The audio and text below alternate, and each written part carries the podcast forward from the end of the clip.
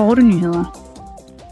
Europaparlamentet vedtog onsdag sin holdning til EU's naturgenopretningslov, der er et centralt element i den europæiske grønne pagt. At parlamentet har vedtaget sin holdning betyder, at det nu kan indlede forhandlinger med EU-landene. Parlamentet har foreslået at genoprette mindst 20 procent af EU's land- og havområder inden 2030.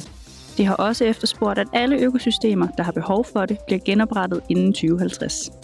Loven vil skabe grundlaget for større biodiversitet og mere klimahandling, men pålægger ikke nogen at etablere nye beskyttede områder i EU. Kort inden den meget tætte afstemning i plenarsalen sagde ledende næstformand i Europakommissionen med ansvar for den europæiske grønne pagt, Frans Timmermans, This is about creating future sustainable jobs for Europeans. Det handler om at skabe fremtidige bæredygtige job for europæere. Der er flere job i energiomstilling i den nye økonomi end i den gamle. Lad være med at sælge folk den falske forestilling om, at man ved at binde dem til fortiden giver dem fremtiden. You offer them a future. Mere end 80 procent af levestederne i EU er i dårlig stand, og ifølge Europakommissionen vil den nye lov skabe store økonomiske gevinster. Hver euro investeret giver mindst 8 euro i gevinst.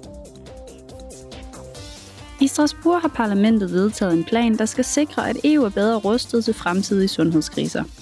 Parlamentets særlige udvalg om covid-19-pandemien har i løbet af det seneste år undersøgt krisens indvirkning og herudfra sammensat specifikke anbefalinger, der i tale sætter huller og svagheder i sundhedsvæsenet. Udvalget vil styrke den europæiske sundhedsunion og de nationale sundhedssystemers robusthed, for herigennem at forberede dem på fremtidige udfordringer. I morgen er det FN's internationale dag for unges færdigheder. Dette års tema er at ruste undervisere, trænere og unge til en fremtidig forandring. Dagen kaster lys over den afgørende rolle, som undervisere har med hensyn til at hjælpe unge mennesker med at komme ind på arbejdsmarkedet og deltage aktivt i deres nærområde og samfund. 2023 er desuden det europæiske år for færdigheder. Formålene her er at hjælpe folk med at få de færdigheder, der skal til for at udføre job af høj kvalitet, og at støtte virksomheder i at afhjælpe manglen på kvalificeret arbejdskraft i Europa.